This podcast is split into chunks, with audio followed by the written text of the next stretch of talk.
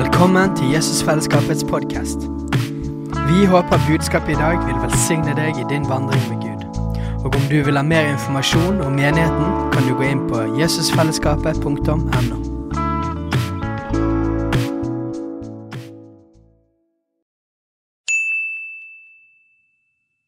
Hei! Visste du at Jesusfellesskapet starter en ny bibelskole til høsten? Den heter Jesusskolen og starter den 3. september. Gå inn på jesusskolen.no for mer informasjon. Være mellommann til far. Han skulle være hodet for sin menighet. Så Derfor er det naturlig at vi som kalles kristne, det er jo da Kristus i flertall, at vi har et fokus på Jesus, for han var vår frelser. Men det er ikke sånn i tilfelle du er veldig glad i Den hellige ånd eller glad i Faderen, så er det ikke sånn at det er en konkurranse. Så når vi sier at vi, vi får fokus på Jesus, så er det ikke mot, i motsetning til andre, til Faderen og Sønnen. Men det handler om at eh, det er ikke en selvfølge at det vi forkynner, til og med i en kristen menighet, er, er Gud. Det fins jo masse konsepter og ting og, og, og, og, greier. da. Prinsipper som man kan forkynne. Og det kan jo være rett eh, på visse tidspunkt, men vi trenger å samle oss inn mot sentrum. Og I Kolosserbrevet som vi har tatt mye utgangspunkt i, så ser vi dette at Jesus han er blitt satt som sentrum av absolutt alt sammen. Det er i Han vi finner vår mening. Det er i Han eh, frelsen er. Det er i Han vi får møte Far. Det er, det er Han Den hellige ånd herliggjør.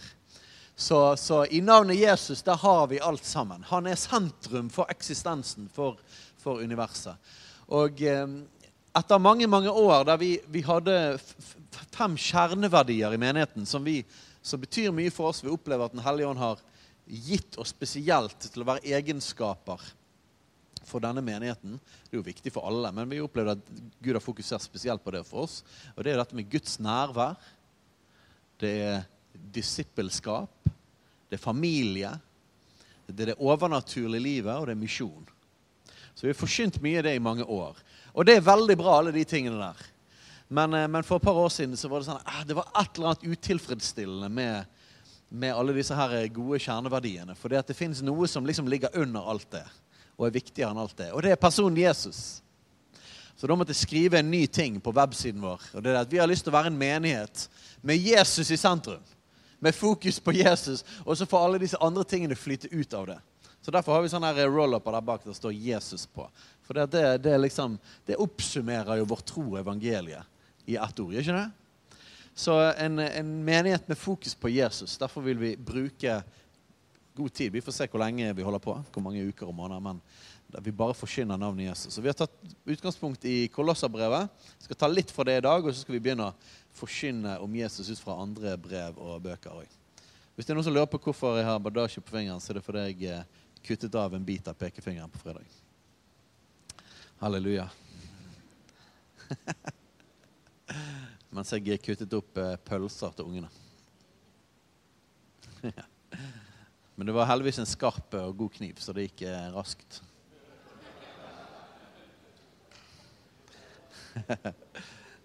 ja da. Men eh, ja, jeg mangler litt, da, for å si sånn. Så vi får se. Det blir spennende når, når det en gang gror. Om jeg har eh, fingeravtrykk fortsatt, f.eks., for eksempel, eller om jeg, hvor mye som er der. Håper jeg kan spille gitar fortsatt med den fingeren. Yes, uansett. Kolosserbrevet. Har dere lyst til å eh, slå opp der? Og så skal vi begynne i kapittel 3. For de som var forrige søndag, så var forsynte Alf Kåre òg Begynte for så vidt i de versene der, men han la mest trykk på noe litt annet enn jeg skal legge trykk på.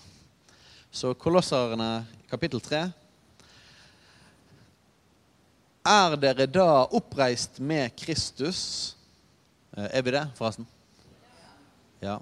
Så eh, hvis vi er døpt til Jesus, så er vi da begravet med Kristus og oppreist med Kristus. Så det betyr at vi er oppreist med Kristus. Så hvis vi er oppreist med Kristus, er dere da oppreist med Kristus, så søk det som er der oppe, der Kristus sitter ved Guds høyre hånd. La deres sinn være vendt mot det som er er der oppe, ikke mot det som er på jorden. Der ser man det.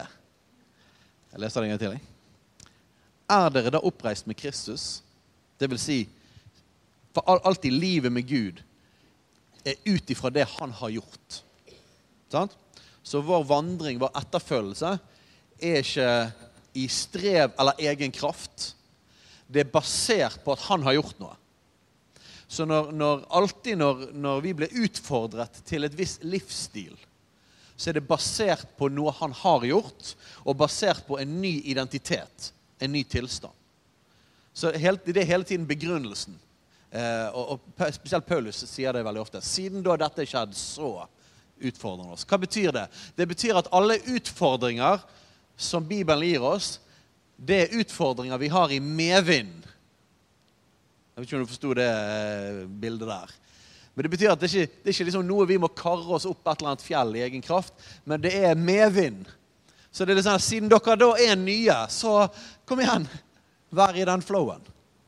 Siden dere er oppreist, for dere, dere ble begravet, dere er døde med Kristus og begravet med Kristus. Det betyr at det, det gamle er forbi.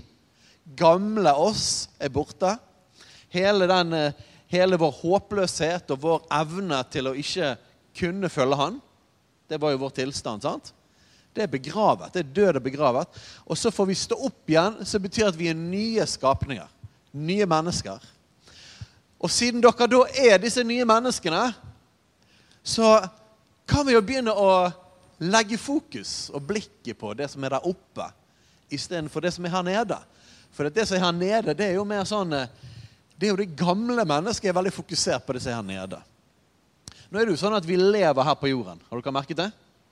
Så vi har fortsatt en kropp, vi, vi lever fortsatt i omstendigheter. Vi, vi lever i en verden som er preget av synden. Har dere opplevd det òg? Vi lever i en verden der det er en kamp mellom det gode og det onde. Der djevelen går omkring som en brølende løve som prøver å sluke oss. Så det fins jo en del utfordringer her nede.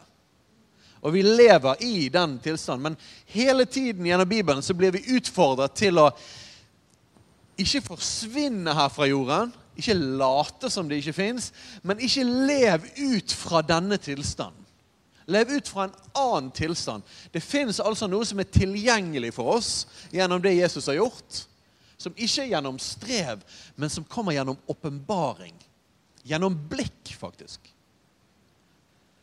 Det er, veldig, det er veldig stor forskjell på hardt arbeid og det å se et annet sted. Er ikke det? Så, så når, når, når, når, Paulus utfordrer oss her, så er det ikke sånn her fy, fy, ikke vær så fokusert på her nede. Men, men dere er jo reist opp igjen. Så hva med å bare løfte blikket opp istedenfor ned? Så er dere da oppreist med Kristus, så søk det som er der oppe. Der Kristus sitter ved Guds høyre hånd. La deres sinn være vendt mot det som er der oppe. Ikke mot det som er på jorden. Dette handler ikke om å være fjern, eller litt sånn der livsfjern. Sånn at det sånn, går rundt og liksom være drømmende. Men det handler om hvor vi har vårt blikk, det handler om hvor vi har vårt sinn, det handler om hvor vi har vårt fokus. Og jeg regner med at vi alle sammen har opplevd dette her. At eh, det har skjedd et eller annet utfordrende. Eller noen ganger så er det bare fordi man har en litt dårlig dag, sto på feil fot, eller, eller eh, det er liksom bare helt normalt, men av en eller annen grunn så er humøret sånn eller sånn, og det er liksom Kanskje du har fått for lite søvn, og så plutselig så blir liksom fokuset dratt vekk. Noen som opplevd det noen gang? Og kanskje det er et eller annet som har skjedd. Det kan ofte trigge det. Et eller annet kjipt som skjedde. F.eks. du kutter av deg en bit av fingeren. Da, det, da kan jeg liksom få fokus. Og så kan man liksom begynne over sånn her, ah, eller så begynner du å tenke alle mulige sånne her katastrofetanker. Eller begynner å liksom være kreativ i hvor fæle konsekvenser dette kan få. på forskjellige måter, sant? Det, men, men det kan skje ting. Så tar det fokuset vårt, og så Så er ikke det det at ikke den tingen var kjip.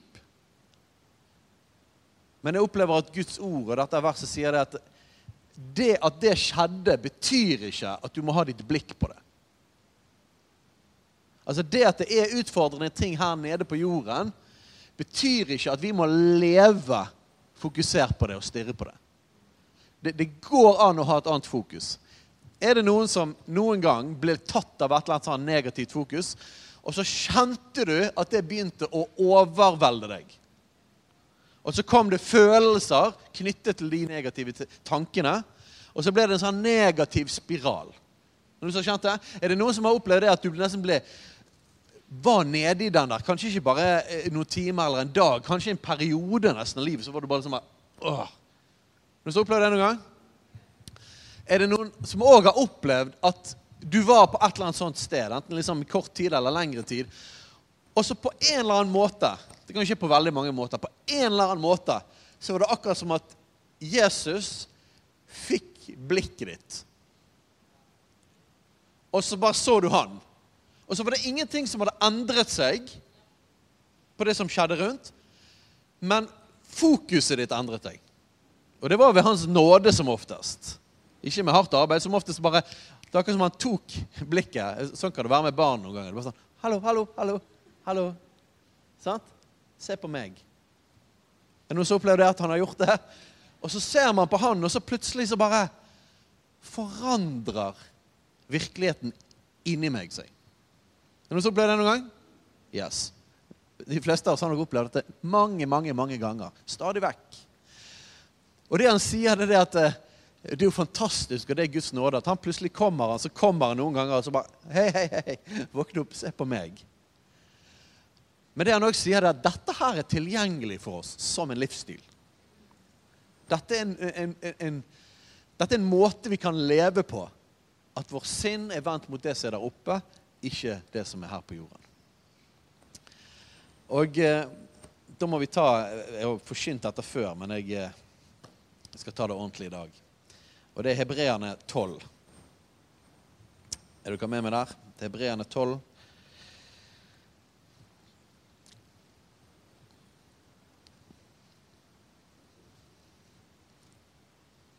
I vers 1 og 2 der.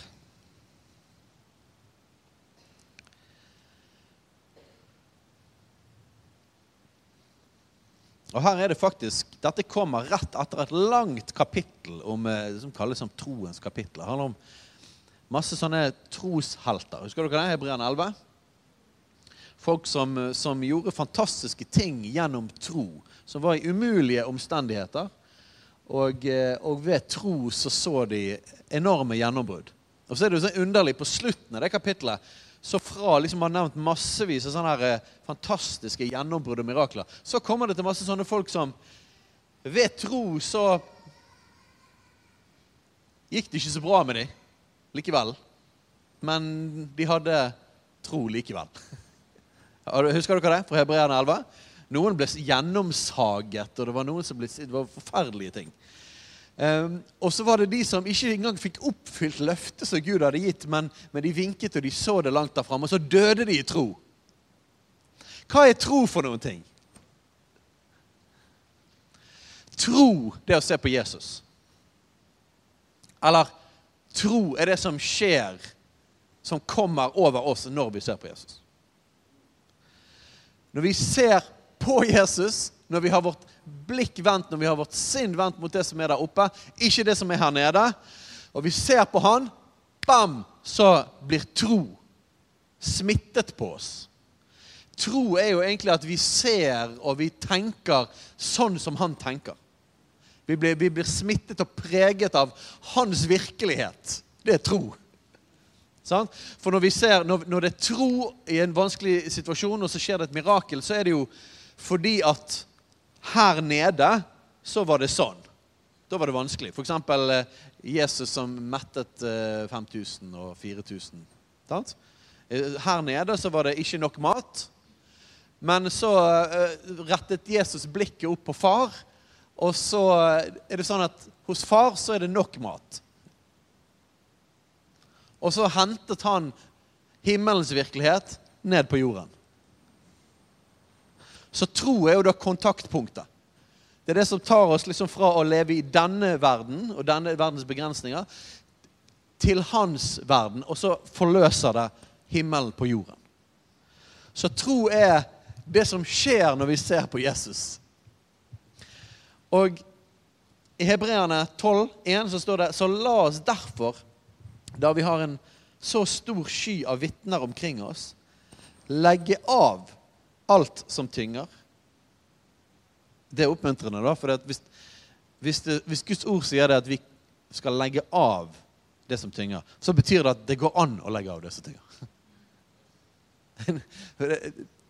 Bibelen ber oss aldri om å gjøre noe som ikke er mulig. Og disse tingene er aldri noe som vi liksom, i vår egen kraft vi må få til. Det betyr at han har gjort noe allerede som vi kan få en del av. Det er det det betyr.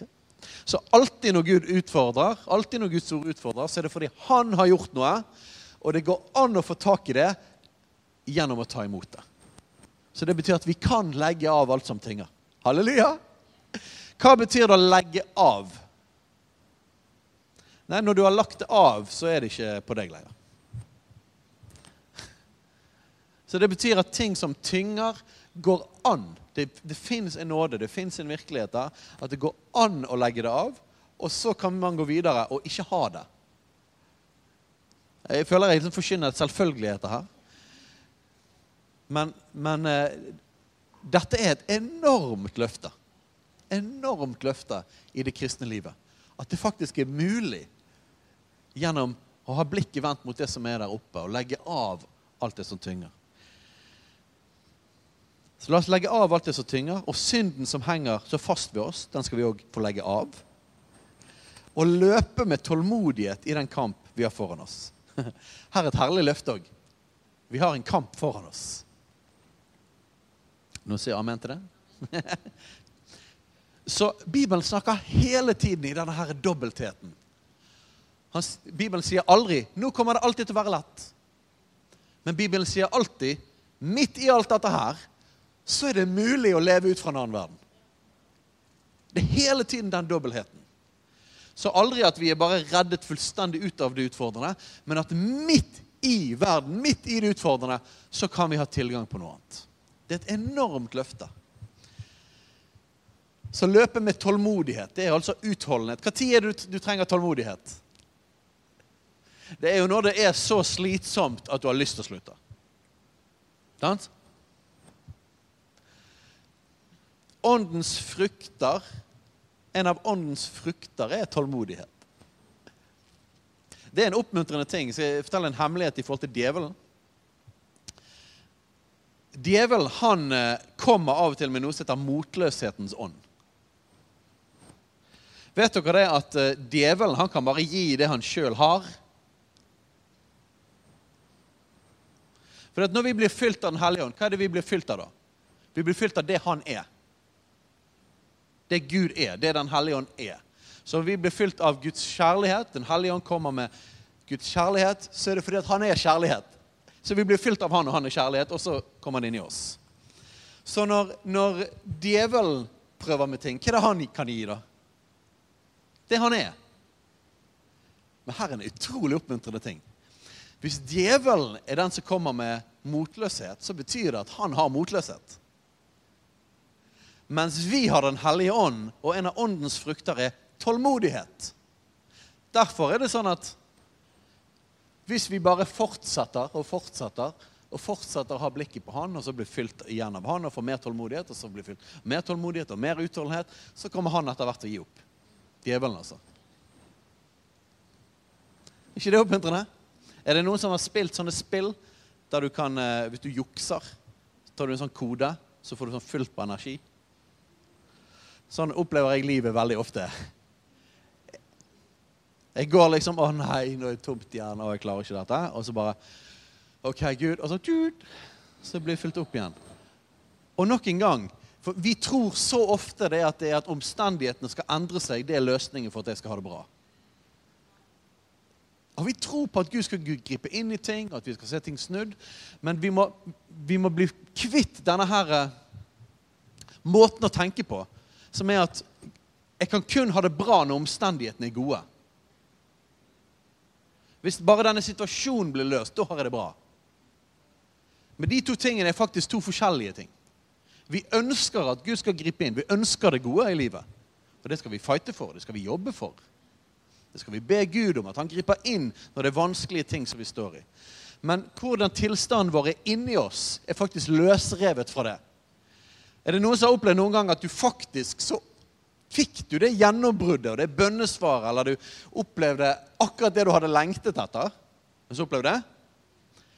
Og så har du kanskje oppdaget det at det i seg sjøl holdt ikke til at du levde i glede. Det kan være du blir glad akkurat når du kjenner. Men det er to forskjellige ting. Det er fordi at Jesus han levde på en sånn måte at, at hans indre sinnstilstand var basert på hans relasjon med far. Ikke basert på det som skjedde rundt. Og dette er tilgjengelig for oss. Legg av alt som tynger, og synden som henger så fast for oss, og løpe med tålmodighet i den kamp vi har foran oss. Det kommer til å være kamp helt til vi dør. Halleluja. Så kommer det til å være litt forskjellig og hvordan og hva. sant? Gå litt opp og ned og forskjellige sesonger. Det har ikke vi helt kontroll over.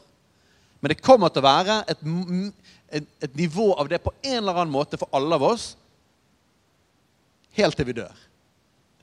Så hvis, hvis vårt håp er basert på at ting skal bare bli fredelig og gå bra, så har vi vårt håp plassert på feil sted. Men Gud har noe mye bedre for oss enn det. Og det er at vi kan leve ut fra en annen verden. Helt på tross av hva som skjer. Nå sier ikke jeg det at vi er totalt immune på den måten at at, at, når det skjer noe utfordrende, så det, så det ikke berører oss i det hele tatt. Jeg tror dette er en kontinuerlig vandring inn til Jesus, inn til Jesus, inn til Jesus. Og når vi merker at vi blir slått liksom ut av fokus, men da vet vi hvor vi skal gå. Sant? Ok, nå skjønner jeg at perspektivet mitt er borte, for nå går jeg i den negative spiralen. Ok, Da vet jeg at Jesus er løsningen. Svar og gjennombrudd er ikke løsningen. Jesus er løsningen. Jesus er løsningen. Hvordan var det vi skulle løpe med tålmodighet i den kamp vi har foran oss? Med blikket festet på Jesus. Med blikket festet på Jesus. Hør her, da. Løp med tålmodighet. Tålmodighet er altså fordi vi trenger tålmodighet fordi vi har lyst til å gi. Det betyr at den løpingen kan være utfordrende. Så tålmodighet fordi at det er utfordrende, i den kampen vi har foran oss. Så snakker, altså, Konteksten for dette er at vi løper gjennom en kamp. Vi løper gjennom kampen med blikket festet på Jesus. Hva betyr å ha blikket festet på Jesus? Det betyr at ikke vi bare kikker litt på han, men vi har låst blikket. Hvorfor trenger vi å låse blikket? Fordi at det er lett at det går vekk. Med blikket festet på Jesus. Han som er Her er begrunnelsen. Han som er troens opphavsmann og fullender. Det er når vi ser på han, at vi blir fylt av tro. Er det noen som har opplevd at det er et område av livet, et område av kamp, der du kjenner vantro og tvil? Så hva er løsningen? Er det å prøve å pumpe opp tro? Nei, aldri. Det er alltid blikket festet på Jesus midt i den situasjonen. Det er det som skaper tro. Det er det som fornyer sinnet vårt. Det er det som forandrer måten vi tenker på. Ok, La oss se på et par historier som jeg har nevnt mange ganger før for de som har vært i menigheten her i noen år. Men vi må, vi må se på to historier om eh, disiplene som sitter i båter som holder på å synke, og storm og sånn. Så vi kan se på Matteus 14 først.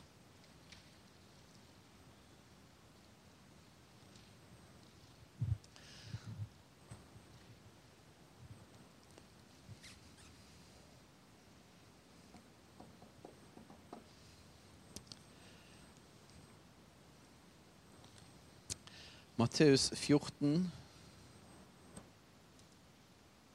vers 24. Her er altså disiplene de er ute i båten uten at Jesus er med. Jeg vet hva, Det er nesten så vi må Vi må faktisk helt tilbake igjen til vers 22. for dette er litt interessant. Dette er litt ubehagelig. Er dere klar for noe litt ubehagelig?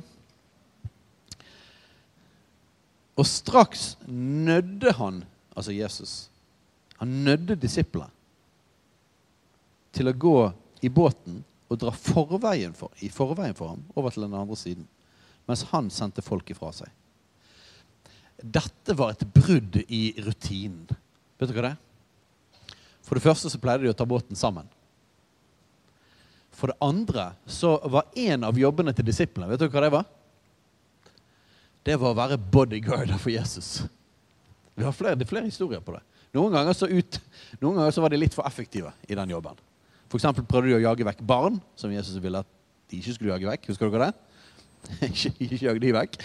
Eh, og, eh, og, og, så prøvde de å hysje og, og få vekk han der blinde mannen som driver ropte. Husker dere det? Eh, og så var det en gang de var veldig frustrert over bodyguard-jobben sin. Det var når det trengte folk på alle sider rundt Jesus. Sant? Og så kom det en dame og fikk tatt på han likevel. Husker dere det? Så de var litt sånn her, fordi det var masse folk rundt Jesus hele tiden. Så nå så tok Jesus en helt annen variant. For til vanlig så var det altså disiplene som sendte folket vekk. Hvorfor tror dere det var mer effektivt? Det var fordi at de kom ikke for å snakke med Johannes. De kom fordi de ville se Jesus. De ville ta på Jesus, ville, han skulle legge hendene på dem, de ville snakke med Jesus. De, ville, de, kom for Jesus.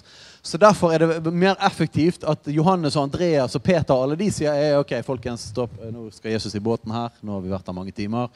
Nå stopper vi her. ok. Og så de sender folk Nå må dere gå vekk. Kan treffes i morgen. Men også sier Jesus det at eh, i dag, folkens, så bare går dere i båten, og så skal jeg sende folk vekk. Jeg lurer på hvordan Jesus klarte det. Det er en detalj vi ikke får vite om. Jeg lurer på om han var streng. Tror dere Jesus var streng? Alle ville jo være med Jesus hele tiden og ta på han. Nei, nå må dere gå.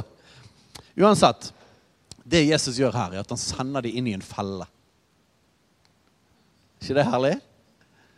Gud er så stor og god og kjærlig at noen ganger så sier han det at eh, Kan ikke du bare gå ned her, sånn at det går galt? Så skal jeg lære deg noe. Da han hadde sendt folk ifra seg, gikk han opp i fjellet for å være med seg selv og be, og da kvelden kom, var han der alene. Men båten var alltid midt ute på sjøen. Altså, eh, Får dere med dere eh, tidsaspektet her? Han sender folket vekk, og så skal han være for seg sjøl og be. Jesus ba nok mer enn fem minutter. Så Jesus holdt på å be en stund her, aleine med Gud. Og mens han har bedt, hva har disiplene gjort da? De har holdt på å ro. Sant? Og nå har Jesus bedt lenge. Eh, faktisk så står det at kvelden kom. Han var der aleine. Og, og, båten den var bare midt ute på sjøen. Så de var kommet halvveis i dette prosjektet som Jesus hadde gitt dem. Dra ut der, og så ro. Og Jesus visste helt sikkert at det var dårlig vær. Så nå skal dere få det litt vanskelig. Ok? Og så ser han sikkert ser han på de sikkert ned der. Jeg vet, ikke, jeg vet ikke om han kunne se dem. Men det er bare se for meg at Jesus ser nær da han har vært med far. Takk Gud. Altså. Så var det, ja, det var disiplene, ja. Skal vi se. vi ser, jeg lurer på om de kanskje Nå er de ned, langt nok nede, tror jeg. Ser der nede, ja. De strever. OK. La oss gå ned der. Og så tenker han at han skal bare gå på sjøen. Så i den fjerde nattevakt har dere med dere tidsaspektet her? Først var kvelden kom den fjerde nattevakt. Jeg har ikke sjekket helt akkurat tid den fjerde nattevakt er, men det høres seint ut.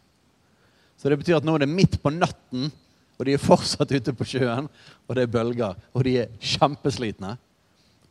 Jesus, hvorfor sendte du oss ut her på sjøen? I den fjerde nattevakt kom han til dem gående på sjøen. Og da disiplene fikk se han der, der han gikk på sjøen, ble de slått av skrekk og sa 'Det er et spøkelse!' Og de skrek av redsel. I et av de andre evangeliene, jeg tror det er Markus? Markus eller Lukas, så står det at Jesus hadde tenkt å gå forbi. Det står det. Jesus hadde tenkt å gå forbi. Han hadde rett og slett ikke tenkt å hjelpe dem. Han hadde bare OK. Hele natten har de vært ute. De er kjempeslitne. De er tydeligvis litt sensitive De ble så redd for han når de så han. Han har tenkt jeg bare går på, jeg går ikke rundt, for han var på land. Jeg går ut på sjøen. Og så bare går jeg forbi dem.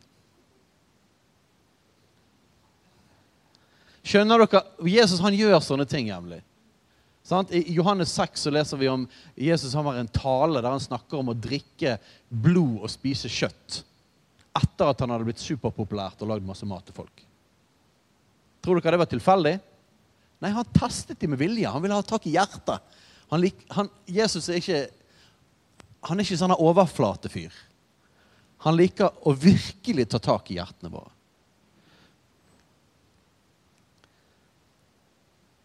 Og de skrek av redsel. Men Jesus talte straks til dem og sa, 'Vær ved godt mot, det er meg. Frykt ikke.' Et ord fra Jesus midt inne i storm, midt inne i slitenhet. Det er stor forskjell, ikke det? Så de var på et sårbart sted. De var redde, de var slitne. De forsto sikkert ikke hvorfor verden sendte Jesus ut dit, og nå bare går han her, og det syns han skal gå forbi. Men de fikk se Jesus. Han sier 'frykt ikke'. Hva er det vi egentlig trenger? Var det de, det de trengte, var det bare det at alt skulle bli fint? Eller var det å bare se Jesus? Det å se Jesus, det er det, det er det, vi trenger. Det er akkurat samme med et lite barn som er redd eller lei seg. De trenger å få se og få komme nær til mamma eller pappa. Og da svarte Peter han og sa, 'Herre, er det deg, da byd meg å komme til deg på vannet.' Jeg vet ikke om dette var planlagt fra Jesus sin side. ikke sikkert det. Men Peter syntes dette var veldig spennende, for det var første gang han hadde sett han gå på vannet. Så Jesus, hvis det er deg, la meg få komme ut. Og så sier Jesus, han sa, 'Kom'. Og Peter steg ut av båten og gikk bortover vannet mot Jesus ett ord fra Jesus. Kom! Utropstegn. Det var nok til at han kunne gå. Ett ord fra Jesus. Kom. Peter steg ut av båten, og han gikk bortover vannet mot Jesus. Peter gikk på vannet. Tror dere Peter hadde gått på vannet en halvtime før? Så hva var hele, hele greien? Han så Jesus, og han hørte hva Jesus sa, og derfor kunne han gå på vannet. Det forandret alt sammen. Det var fortsatt storm, de var fortsatt midt på samme stedet. Men det var et ord fra Jesus, og han så på Jesus. Men da han så det veldige uværet, ble han redd og begynte å synke. Da ropte han, 'Herre, frels meg.' Og Jesus rakte straks hånden ut og grep tak i ham. Og han sa til ham, du lite troende, hvorfor tvilte du? Jeg syns det var litt lite terapeutisk. Når jeg leser om det og en del andre ganger der Jesus er litt sånn, her, eh, litt sånn overraskende streng For jeg hadde mer tenkt sånn Så bra, Peter! Du gikk på vannet! Så tenker jeg på en, en, eh, en situasjon som eh, når jeg skulle skulle lære å, når jeg skulle ta lappen Og jeg var på sånn her eh, Hva er heter det? heter ikke lærekjøring. Det heter eh, Nei, ikke oppkjøring. Kjøreskole. Ja, sånn. Og så eh, var jeg ute i Fyllingsdalen, og så hadde læreren, kjørelæreren bestemt seg for at hun skulle lære meg en lærepenge. Det visste ikke jeg. Så han fikk meg til å kjøre ned på, fra Varden, der, der det er en Kjell stasjon, og så er det ut, ut, i veien der. Vet, nå er det rundkjøring der. Men før var det en, et stoppskilt så læreren hadde planlagt i dag skal vi lære Steinar om stoppskilt og seriøsiteten av stoppskilt. For det regner vi med at han ikke egentlig har fått med seg ordentlig. Så da sier han ja, eh, kjører vi ned her. Og så kjører jeg ned, og så stopper jeg. Og så eh, gasser jeg på, for jeg har lært det at når du kommer rett ut i en sånn, sånn vei, da må du bare raskt opp. Sant? Så jeg bare klamper i bånn for å komme opp i 80 der med en gang. Så jeg får liksom et halvt sekund og bare ruse på, og så bare hogger han inn bremsen. Kjørelæreren. Sånn at jeg står sånn halvveis ut i veien, og, bare, og hele binden kubber. Og det er jo kjempeekkelt. Hva i all verden er det som skjer? Så ser han på meg og sier Stoppet du? Jeg bare, ja, jeg stoppet. Var hjulene låst? Jeg Bare, Sikkert ikke. Bare når det er stoppskilt, skal du stoppe sånn at hjulene er låst. Og du står helt stille før du kan kjøre ut. Og det husker jeg hver gang jeg ser et stoppskilt. Hver eneste gang. Jeg ser stoppskilt og bare Å, der var det, ja. For jeg, jeg fikk en sånn støkk inni meg. Og det var det han prøvde på, da. Så når jeg leser Jesus si det her eh, Du lite troende, hvorfor tvilte du? Så tror jeg at eh, Jesus lagde en sånn støkk i Peter. Sånn at hver eneste gang resten av livet, når Peter var i en situasjon der han, se, der han ville se på bølgene, så skulle han huske jeg må ha blikket på Jesus, for ellers synker jeg.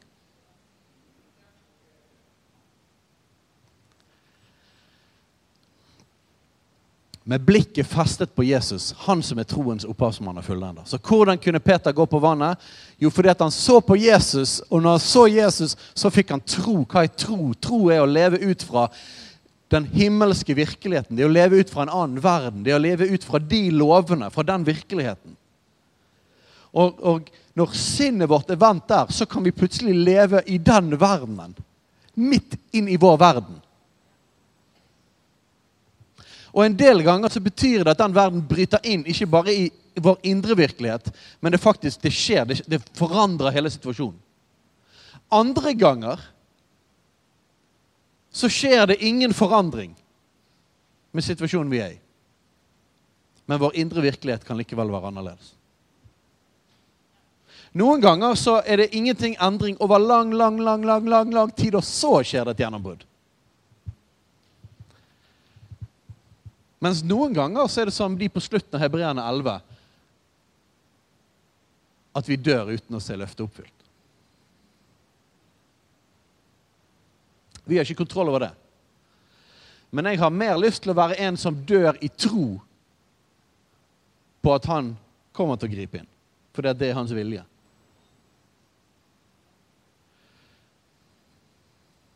Hvis jeg, hvis jeg skal dø en gang Vi har opplevd mye i det siste at folk som har dødd av sykdom, dødd av kreft. Det er en sykdom fra helvete. Det er ikke Guds vilje.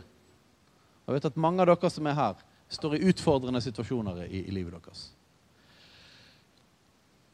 Noen tenker det at fordi at vanskelige ting skjer, så må vi bare senke terskelen for vår forventning. Og forvente det, det gale.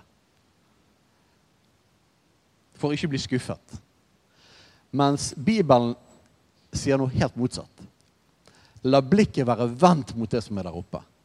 Når vi ser på han, så får vi tro. Jeg vil heller se på Jesus og være fylt av tro og utholdenhet, fred, glede i Den hellige ånd, og se på han og gå inn i døden uten at det skjedde et fysisk gjennombrudd.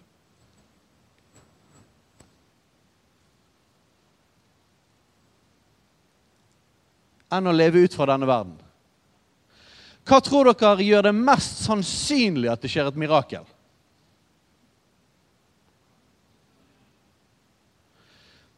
Men vi vil ikke leve sånn bare fordi at vi skal se et gjennombrudd, et mirakel. Vi vil leve sånn fordi at dette er en kristen livsstil.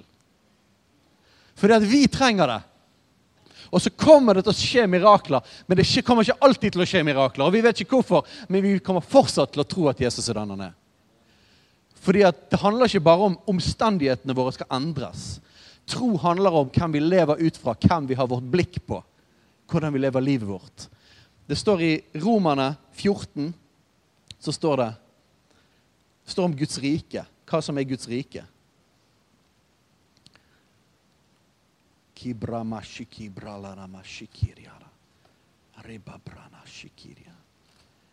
Romerne 14, vers 17.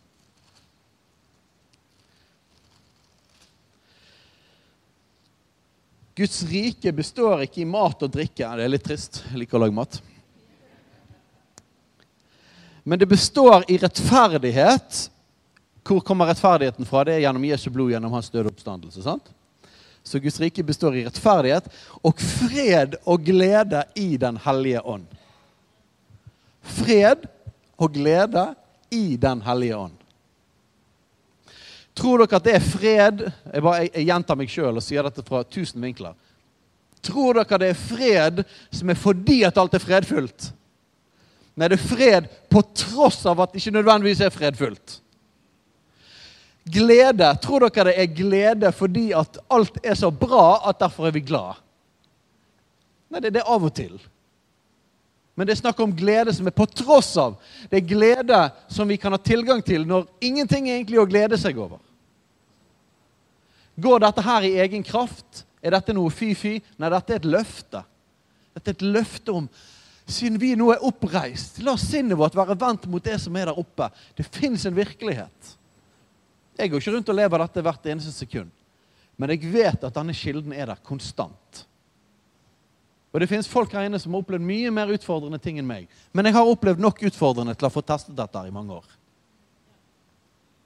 Og jeg vet at uansett situasjon, så vet jeg at det fins et sted i blikket på Jesus som gir fred som overgår all forstand.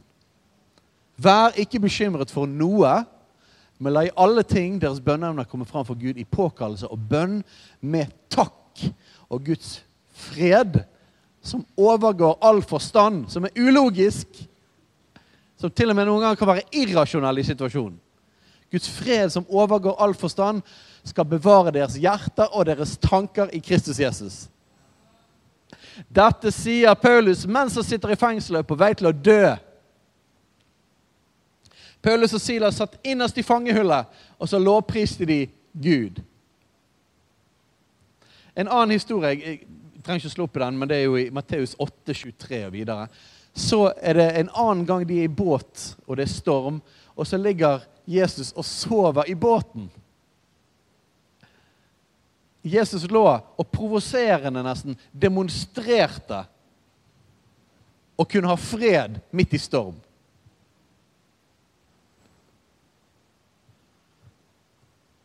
Og Noen ganger så har jeg vært litt redd når det har vært i fly og det har vært turbulens. og sånne ting. Jeg har tenkt på dette.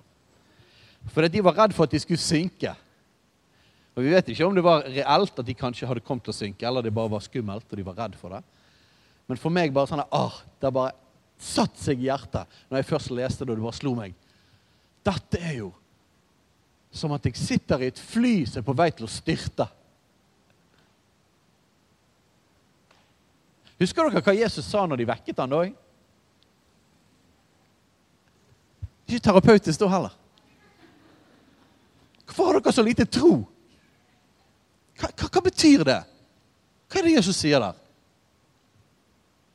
Hvorfor er dere redd når dere sitter i et fly som er på vei til å styrte?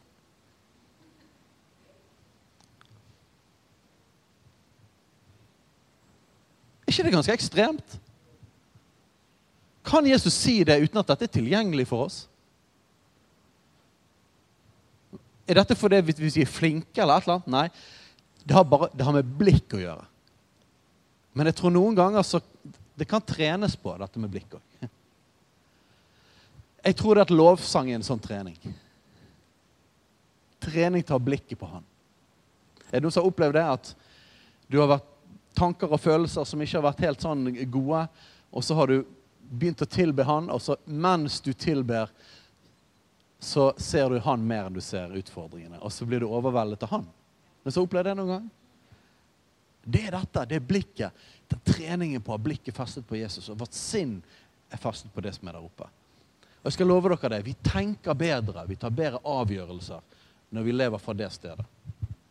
Når jeg opplever en utfordrende ting eller, eller forskjellige grunner. At jeg merker det at mitt fokus og mitt hjerte, mine følelser, kommer ut av tune. Og hvis jeg opplever en vanskelig ting som skjer, og dette har jeg lyst til å bare gi som et tips til alle dere Jeg skal gå inn for landing snart. Jeg skal ikke styrte, jeg skal gå for landing.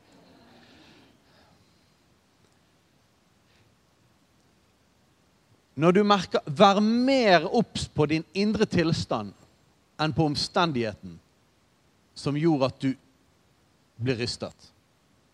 Vær mer obs på det som skjer inni deg. Vær mer obs på tankelivet og følelseslivet ditt. Fordi at før det er fred på innsiden, så er det no way at vi kommer til å ta gode avgjørelser på det som har med utsiden å gjøre. Vi klarer ikke å tenke klart.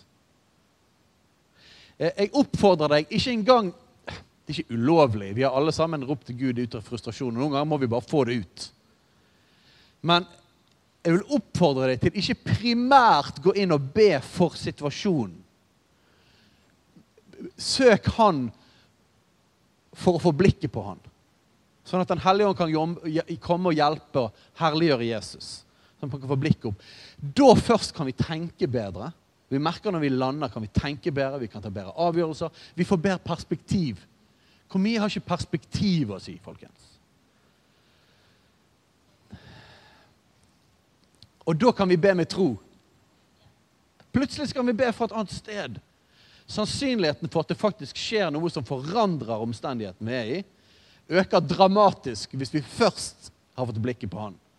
Og Jo mer utfordrende det er, jo lengre tid trenger jeg personlig på det. Noen ganger så kan jeg bare legge meg flat. Det er det eneste jeg klarer.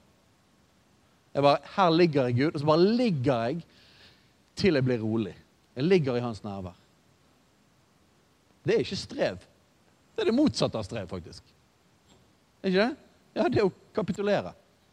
Jeg bare ligger der, og så bare Gud, her, her er bare alt sammen. Det er det eneste Her er det. Og så ligger jeg der. Og så begynner han å plukke av. Og plutselig så kan jeg puste bedre. Plutselig så klarer jeg å få blikket opp på han. Plutselig forandrer perspektivet sitt mitt seg. Plutselig forandrer følelsene. Og så kan jeg begynne å tenke. Så kan jeg begynne å be. La ditt sinn være vendt mot det som er der oppe. Siden vi alle sammen er oppreist. Kom igjen, folkens. La oss leve oppreist. La oss ha blikket opp på Han. Helt til slutt vil jeg si Nei, to ting. Jeg nevnte det verset fra Filippane 4. Vær ikke bekymret for noe. La alle ting, deres bønneemner, komme fram med takk. Jeg har sagt dette før, men jeg, dette er en av de mest kraftfulle våpnene i forhold til å få blikket på Jesus. Oi, oi, oi, det er kraftfullt. Prøv på dette her. Midt i en vanskelig greie. Midt i det ingenting i følelseslivet ditt som sier det at du har lyst til å takke for noe som helst. Men det fins ting, og jeg har lært meg å liksom legge terskelen skikkelig lavt på hva jeg kan takke for. Og Egentlig så er det ikke det å legge terskelen lav, det er bare det er ting vi tar som selvfølgeligheter. Og derfor er ikke vi takknemlige for dem. Eller vi tenker ikke på dem. Og så begynner, Hvis du begynner der, hvis du bare er skikkelig elendig bare sånn, Takk Gud for at jeg lever. OK, ok, da har vi startet. Takk Gud. Takk Gud at jeg bor i Norge. Takk at jeg har luft å puste. En gang så satt jeg jeg var så nede. Jeg husker ikke hva det var som var greien. Jeg jeg satt på badet. Jeg var, jeg var så tung. jeg var sånn. Så satt jeg der jeg, jeg, sier ikke at dette er det vi skal alle gjøre, men det var en, en gang jeg opplevde at Den hellige ånd hjalp meg med perspektiv. Bare for å lære meg hvor mye perspektiv og forandre tanken forandrer min indre virkelighet. Så satt jeg der, og jeg bare syntes alt var mørkt. Og plutselig så fikk jeg som et sånn lite glimt av et par foreldre som satt med barnet sitt på kreftavdelingen på Haukeland. Og det var kanskje det bare rykket meg ut av situasjonen. Det bare, ah, Takk for at jeg ikke gjør det. Men så er det jo faktisk noen som gjør det òg, da. Men til og med de har noe å takke for. Det fins alltid et eller annet. Takk, Jesus, for at jeg har en stemme som gjør at jeg faktisk kan takke deg. Takk at uh, jeg har spist mat i dag. Takk. Og hvis det er sånn Ja, men jeg har ikke spist i dag. Nei, finn noe annet, da. Det er alltid et eller annet. Sant? Jeg, jeg, når jeg kuttet fingeren på fredag så jeg, Noen ganger man kan sitere Guds ord. sant? Så var jeg litt sånn, jeg var litt sånn stresset, og det dunket, og det var vondt. Og jeg bare sånn ah, drit. Jeg kuttet litt av fingeren min. Kanskje spille gitar nå, da. Kanskje det, kan bla, bla. Sånn kom de tankene. Og så begynte jeg å sitere. Jeg tar ofte Salme 23. Den er veldig bra. Herren er min hyrde. Jeg mangler ingenting. Jeg bare Jo, det gjør jeg! Bare, det, det verset funket ikke i dag. Jeg må ta et annet. Men du kan alltid finne et eller annet du kan takke Gud for. Og Guds fred, som overgår all forstand, skal bevare deres hjerter og deres tanker i Kristus Jesus. Når du takker. Det er alltid noe å takke for. Takk, Gud, for at jeg ikke må tilbringe min evighet i fortapelsen. Hvis du ikke har noen ting annet. Hvis du vil helt ned liksom, på de virkelig viktige tingene, så ta den. Og det snur perspektivet.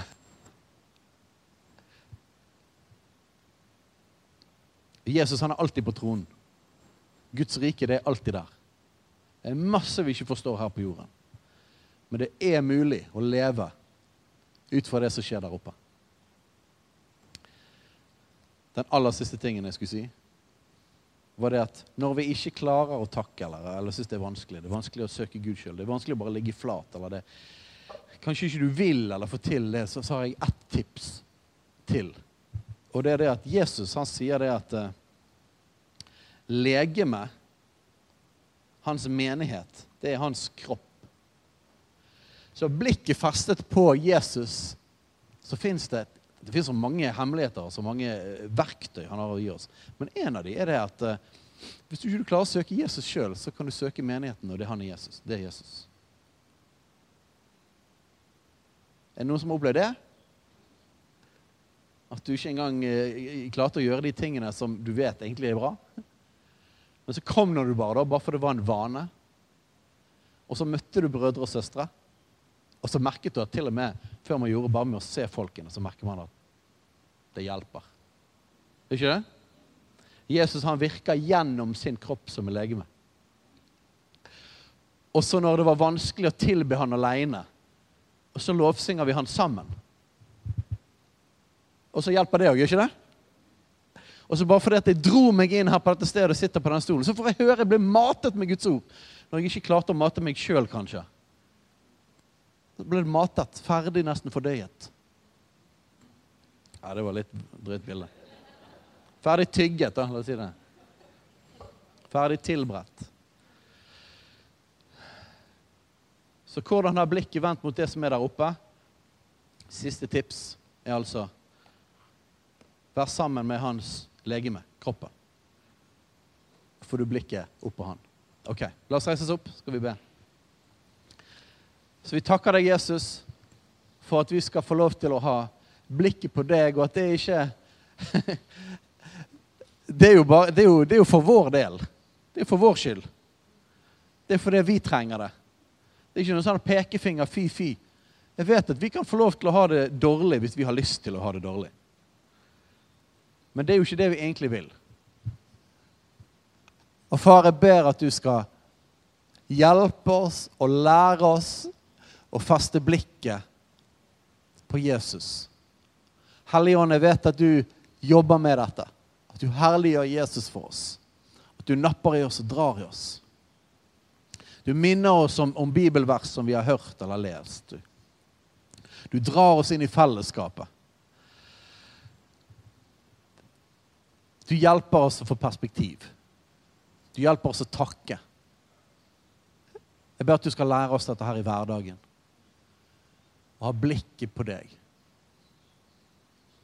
Vi priser deg her, vi ærer deg, vi takker deg, Jesus. Takk for at du har allerede gjort dette. Gjennom din død og din oppstandelse så har du gjort dette tilgjengelig for oss. Du har gitt oss all åndelig velsignelse i himmelen. Dette er tilgjengelig for hver eneste en av oss. Og Fare, vi ber at jo vanskeligere omstendigheter vi står i, jo mer utfordrende er det er å koble med dette her denne virkeligheten. Og vi trenger hjelp. Hver eneste en av oss har trengt det. Hver eneste en har trengt å bli dratt inn. Og jeg ber Gud om at spesielt for de som er, liksom, har, har, føttene liksom godt ned i hengemyren, så jeg ber at du skal komme med din nåde og din kraft og bare dra de opp. Dra de opp og la få ha sinnet vendt mot det som er der oppe, og ha blikket festet på Jesus. Vi har lyst til å se på deg, for vi liker ikke å synke. Vi har ikke lyst til å synke som Peter. Vi har lyst til å se på deg og gå. Og takk Gud, for når vi mister blikket, så kommer du Og så drar du oss opp igjen. Du drar oss opp igjen. Men så utfordrer du oss. Kom igjen. Ikke ta blikket vekk. Og vi takker deg gjennom alle slags utfordringer vi har, og alle sesonger. Så er du alltid tilgjengelig for oss, og ditt rike består i rettferdighet, fred og glede i Den hellige ånd. I Jesu navn. Amen. Hei, alle sammen. Det er Katrine og Steinar Lofnes her. Vi er hovedledere for Jesusfellesskapet. Så kjekt du har lyttet til denne podkasten. Har du forresten hørt noen av de andre podkastene våre? Ukens tale, Disippelskolen, Hyrdepodden, Kulturkrigen og Mammas hjerte. Du finner disse podkastene på Spotify, Apple Podkaster og på nettsiden vår jesusfellesskapet.no.